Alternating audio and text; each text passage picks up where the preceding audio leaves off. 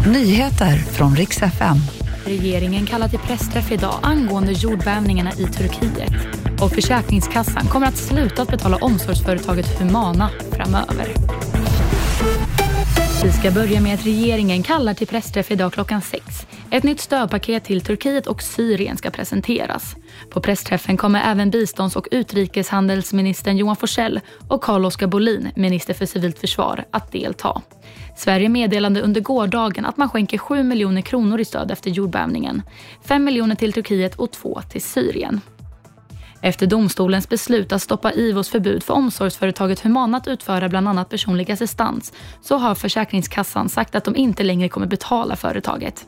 Försäkringskassan säger nu att det istället kommer ge assistansersättning till den som är i behov av vård. Och slutligen lite glädjande nyheter för dig som inte hann få biljetter till Beyoncés konsert den 10 maj. Hon kommer stanna kvar i Sverige en dag till. Det har nämligen bestämts att en till extra konsert ska bli av den 11 maj då det var extremt tryck under biljettförsäljningen till den första showen. Beyoncé startar hela sin världsturné i just Stockholm och biljetterna till extra konserten börjar säljas imorgon. Det var nyheterna och mitt namn är Moa Jonsson.